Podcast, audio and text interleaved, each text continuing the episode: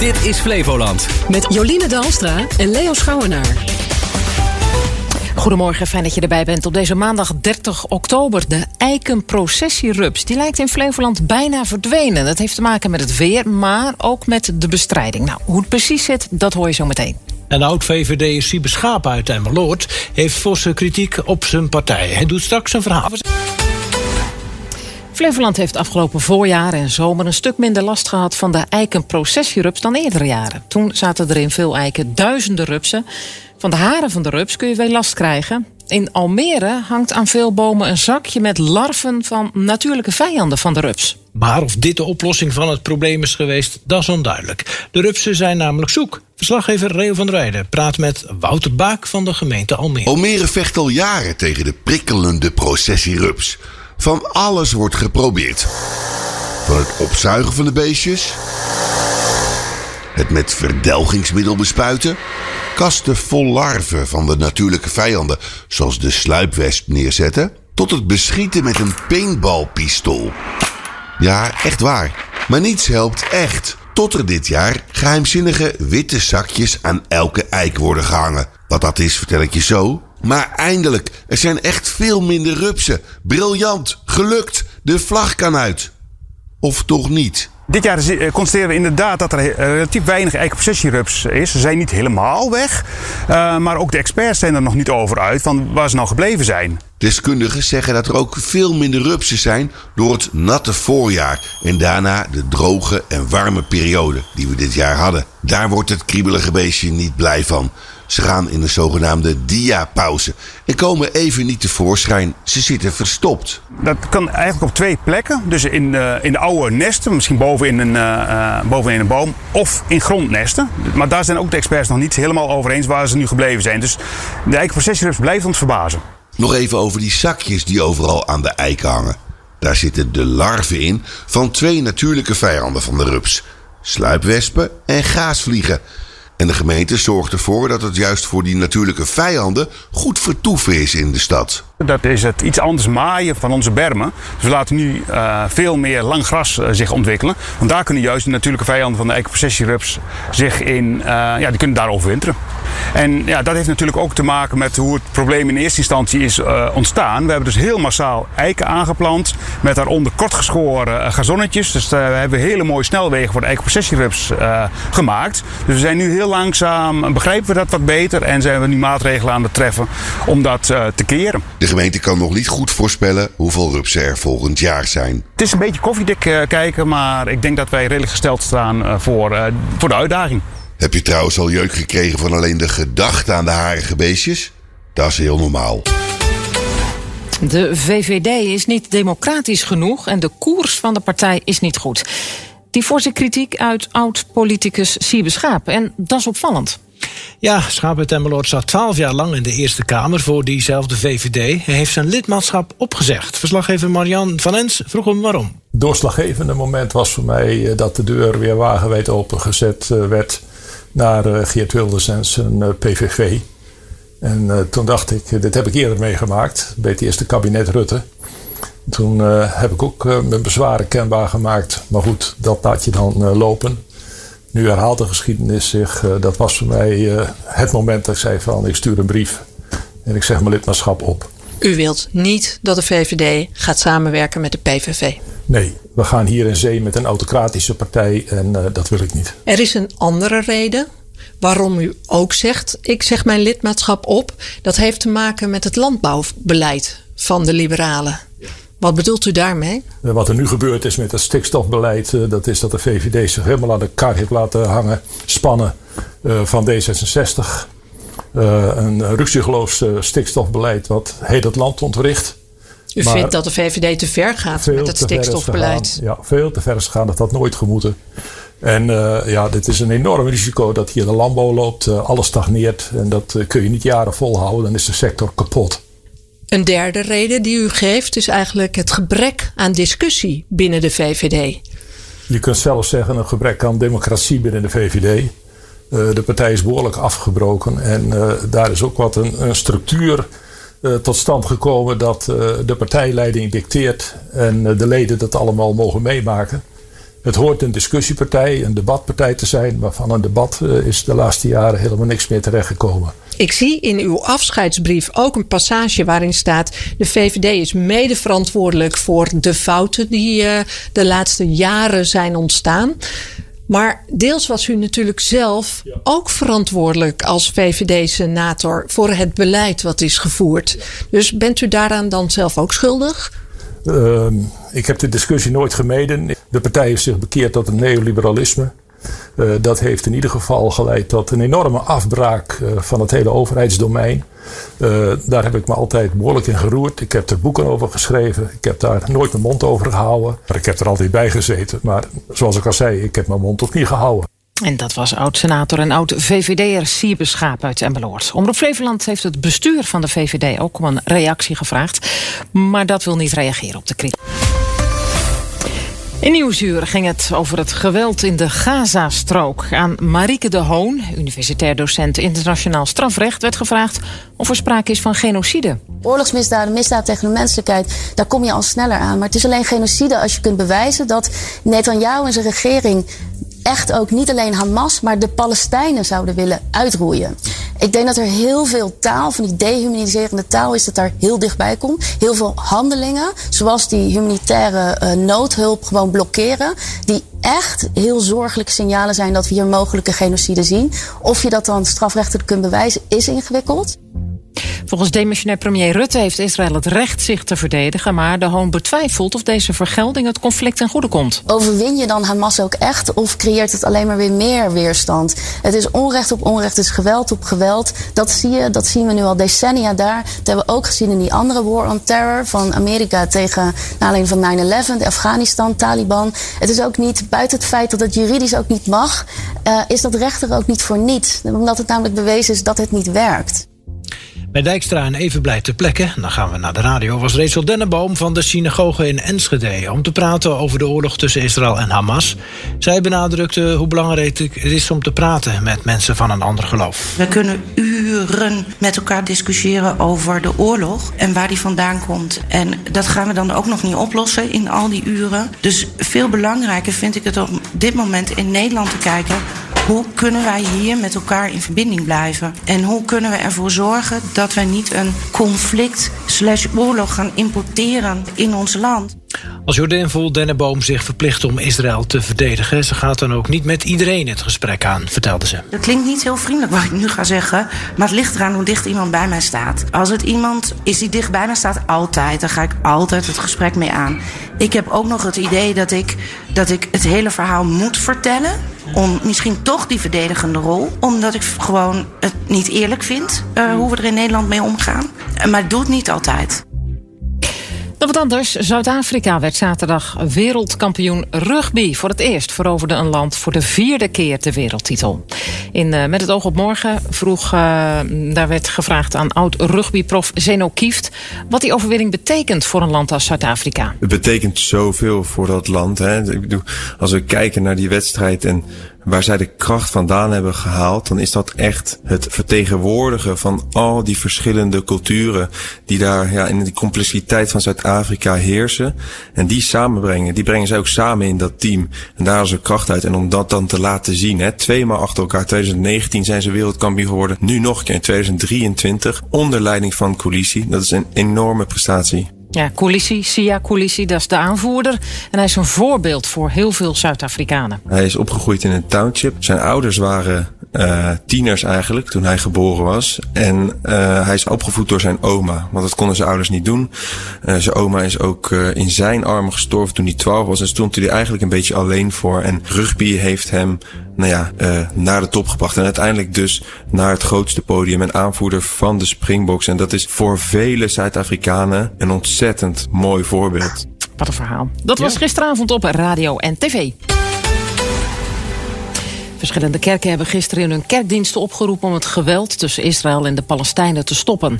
De oproep kwam van het platform Lelystadse Kerken. Een van de kerken die meedeed aan die oproep is de protestantse ontmoetingskerk in de Aantelwijk. Dominee Klaas de Lange. Machteloos voelen we ons bij het zien van de beelden van terreur en geweld in Israël, Gaza, de Palestijnse gebieden, Libanon. En van de stemmen die wij horen waarmee slachtoffers en nabestaanden hun verhalen vertellen. We zien en horen van de angst. De zorg om het lot van geliefden en het lijden van hen doen ons pijn. Daarom vragen wij om gebed om een einde aan het geweld. Statement is vooral aan de orde gekomen omdat uh, ook in Nederland dat heel veel emoties losmaakt. En toen dachten wij van het is goed om als kerken een statement te geven van, van verzoening en van gebed. Uh, dat niet de hardheid, maar dat de zachtheid op zoek kan gaan naar, naar verbinding en naar vrede. Niet alleen in Gaza en Israël, maar ook hier in den eigen landen. In de protestantse kerk werd de boodschap van de dominee goed ontvangen door de kerkgangers. Geweldig. Ja, dat er geen keuze gemaakt wordt, uh, geen politieke keuze gemaakt wordt, maar dat het gaat inderdaad om, om de verbinding te leggen tussen mensen. Het, het lied One Day, ik heb er echt bij zitten huilen. Ik vond dat zo geweldig dat inderdaad mensen in zijn algemeenheid, hè, maar in dit geval moslims, christenen en, en uh, joden met elkaar kunnen zingen. Ik hoop dat het over de hele wereld gezongen zou kunnen worden. Dat vind ik wel goed. Maar je kunt er weinig aan doen. Maar ja, je, je ziet dat allemaal, die narigheid. Ja. En je zou wat aan willen doen. Maar ja, ze kunnen er weinig aan doen. Denkt u dat het invloed heeft dat uh, kerken dit doen? Allemaal wel, natuurlijk. Allemaal wel. Als ze het allemaal doen. Maar niet voor een enkele kerk. Nu hebben alle kerken in Lelystad dit gezamenlijk gedaan. Hè? De oproep is stop met het geweld. Denkt u dat dat invloed heeft? Ja, dat denk ik zeker. Uh, niks doen is geen optie. Uh, met elkaar de kracht, misschien wel van het geloof, dat het toch iets uitstraalt. Op, daar ben die mensen daar. Dat hopen we en dat bidden we ook voor. De Flevolandse commissaris van de Koning Leen Verbeek gaat met pensioen. Morgen neemt hij officieel afscheid. Vandaag en morgen twee speciale reportages met Leen Verbeek. Als ik mij aan zou trekken, uh, iedereen die boos op mij is, er zijn behoorlijk wat mensen boos op mij. Een goede bestuurder maakt keuzes en niet altijd vrienden. Een duidelijke opvatting van onze commissaris Leen Verbeek. 15 jaar was hij het boegbeeld van Flevoland. Hij werd gevraagd voor de functie en in eerste instantie leek het hem niets. Maar al snel werd hij gegrepen door het unieke verhaal van onze provincie. Verbeek werd op 13 november 2008 geïnstalleerd. Toen nog als commissaris van de koningin van Beatrix. Verbeek vond en vindt Flevoland extra interessant. Het is een gebied in opbouw en anders dan alle andere provincies. En dat verschil merkt de commissaris nog steeds. Ook dat er nog vaak naar ons gekeken wordt als het nieuwe kleine provincietje. Strategisch is dat de beste positie die je hebben kunt. Ja? De underdog-positie. Ah, Flevoland, ah, die gunnen we ook wel wat. Ja, ja, ja, en die moeten het nog een beetje leren. Ja. Dus hè, ze zijn af en toe wat grof in de mond. Dat is ook wel irritant toch wel eens? nee, je... ik moet er vreselijk om lachen. Ja, echt waar? Nee, omdat het je zoveel instrumentarium geeft. Ze, ja. ze merken niet altijd hoeveel ze je daarmee helpen. Want wat, op welke manier helpt dat dan? Uh, doordat je een soort brutaal door kunt zetten van... ja, maar we gaan het ook helemaal niet ingewikkeld maken. Nee. Het is helemaal niet ingewikkeld, we gaan het namelijk gewoon doen. Dus ik heb geen gesprek met jou of jij het ook goed vindt. Terwijl ze soms de neiging hebben, zeker in het oosten... het gesprek te willen voelen. Vinden wij het wel goed dat jullie een vliegveld bouwen? Vinden Ja, wij het ja. wel goed dat jullie natuurontwikkeling doen? Vinden Ja. wij het wel goed dat jullie een haven bouwen? Eh, en je kunt vanuit die underdog-positie heel brutaal zeggen: Ja, dat vind ik helemaal geen interessant gesprek. De cultuur in Nederland is er een van overleggen. Soms oneindig overleggen. Over bijvoorbeeld de komst van een kazerne naar Zeewolde of een aanmeldcentrum voor vluchtelingen bij Band. Je moet dan ook een lange adem hebben voor zijn vak, zegt Verbeek. Dit hoort bij de tegenstellingen van de samenleving. Ik geloof niet in een dictatuur. Dan moet je naar een dictatuur en zeggen: mond dicht houden. Ik heb besloten dat we het zo doen. Zijn er nog andere fracties die in deze termijn het woord Ik ben in eh, Shanghai geweest op de wereldtentoonstelling. En die vertelde me heel trots dat eh, op het moment dat ze besloten hadden om die wereldtentoonstelling te realiseren, hadden ze binnen twee weken 40.000 mensen weggestuurd. Die daar woonden in dat terrein. Die waren binnen twee weken weg. En ze waren er trots op met ook het argument: dat krijgen jullie nooit voor elkaar in Nee. Europa. En dan zeggen wij: nou daar ben we trots op dat dat zo niet, zo- niet zo gaat. In 2018 worden de laatste voorbereidingen gedaan voor de opening in april 2019 van het vliegveld Lelystad. Een van de meest grote dossiers waar Verbeek zich in heeft vastgebeten is de uitbreiding van Lelystad Airport. Vakantievluchten zouden er vertrekken. Maar de nieuwe terminal staat al jaren te verstoffen. Bijna 90% van Nederland vliegt. Maar de omgeving Amsterdam draagt daar de last van. En op het moment dat je die last over het land wil verdelen, dan zeg je nee, ik wil wel zelf vliegen, maar niet over mijn huis. Nergens ter wereld is er een, een land of een plek waar zo lang, zo laag horizontaal wordt gevlogen. Vooral met de tegenstand vanuit het oosten van het land is Verbeek klaar. Wat Overijssel-Gelderland laagvliegen is gaan noemen, is het laagvliegen wat op dit moment daadwerkelijk boven Lelystad plaatsvindt. ja. Ik woon daar zelf, die, ik zie die vliegtuigen eh, over mijn tuin vliegen, die landen op Schiphol. Ja, en soms hoor je ze. Hoor Soms je hoor je ze. Ik vind het zelf eh, in die zin onzin dat ik heb daar echt geen last van qua geluid. Nee. Hè? Eh, dus, Nee, maar joh, dus dat als is je geen hebt- In mijn optiek is dat geen laag. Als je het nu niet hebt en je krijgt het straks wel, dan snap ik wel dat mensen denken: ja, wat. wat Ja, maar daar doet zich iets merkwaardigs voor. Want in datzelfde gebied vliegt eh, vliegveld Teugen. Met vliegtuigjes die in mijn optiek veel meer herrie maken. Hè, die oude Pipercupjes enzovoort. Verbeek hoopt dat er straks een minister komt die doorpakt en niet voor zich uitschuift. Ik vind het niet sterk voor een bestuurder als die zegt ik neem geen besluit. Dat is natuurlijk wat er toch Wat er nu vaak gebeurt. inderdaad. Nou ja, dus we hebben soms wat gebrek aan moed bij bestuurders. Nog even naar de toekomst kijken. Verbeek ziet dat er veel veranderd is. Niet alleen zijn er tienduizenden mensen bijgekomen in de provincie in de afgelopen jaren. Ook worden we steeds vaker betrokken bij landelijke vraagstukken. En grote bedrijven ontdekken Flevoland. Het volwassen worden van de provincie vraagt ook om andere kwaliteiten van bestuurders en ambtenaren. Een gesprek voeren met een bedrijf van duizend werknemers. Daar zitten onmiddellijk vier advocaten aan tafel bij het eerste gesprek. Ja, dat is een andere... Dat is een ander vak. Hè? Ja. Dat gaat niet meer met goede bedoelingen. Die transitie of die doorontwikkeling van de organisatie, die vindt nu plaats. Ja. Dat is nog niet klaar.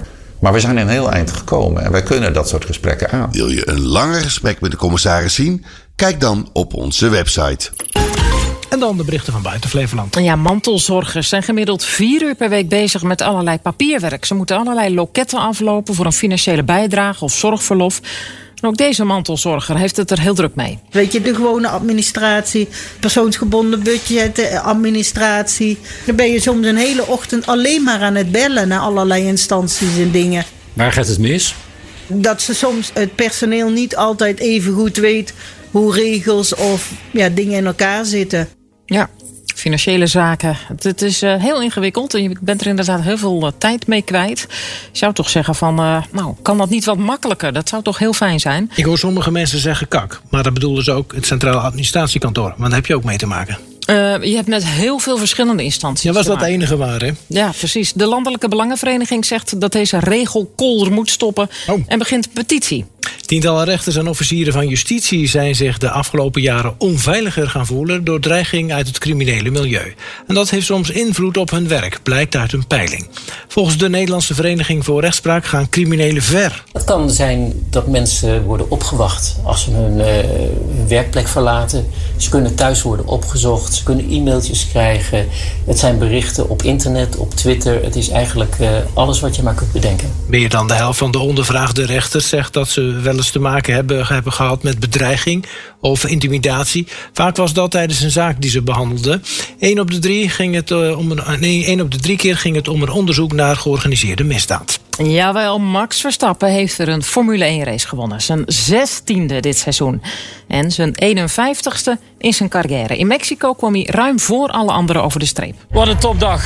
Wat een dag, hè? Ja, hij kon al niet meer stuk natuurlijk. Kon al niet meer stuk, maar ja, dit is toch weer net, eh, ja, maakt het toch weer net wat mooier. PSV vernedert Ajax met 5-2. Max Verstappen wint uh, grandioze race. Ja, Giel, ik denk dat je maar moet overstappen, hè? Ja, Giel, Giel van Koldenhoven. Dat is eh, de verslaggever. Dus Max was nog een beetje met hem aan het dollen. Want ja, die Giel die zal dan wel de Ajax-supporter zijn. Oh ja. En uh, Ajax staat op het moment natuurlijk helemaal onderaan in uh, de eredivisie. Um, voor zijn teamgenoot Perez van Verstappen, de teamgenoot, liep de race in zijn thuisland op een grote teleurstelling uit. De Mexicaan natuurlijk, ja, hoe sneu. Na een ijzersterke start botste hij al in de eerste bocht op de Ferrari van Leclerc. En hij kon daardoor niet verder rijden. Ja, echt. Dat is niet mooi. Beetje drama voor hem wel hoor, jammer. Zeker. Uh, het was een uh, drukke dag gisteren voor Arend Schonewille uit Drenthe. Hij heeft in en om zijn huis zo'n 500 ouderwetse klokken. De meeste moest hij vanwege het ingaan van de wintertijd stilstaan en opwinden. Dat is best een klus hoor. En dan 300 keer? Zoiets, ja. En dan vind ik het wel prima. Ik ben gek op een klok. Het is, een rare ziekte misschien. Maar, maar ik denk wel een gezonde ziekte. Nog geluk dat hij ook zo'n 200 klokken heeft die altijd stilstaan. Dit om het uurwerk niet te beschadigen.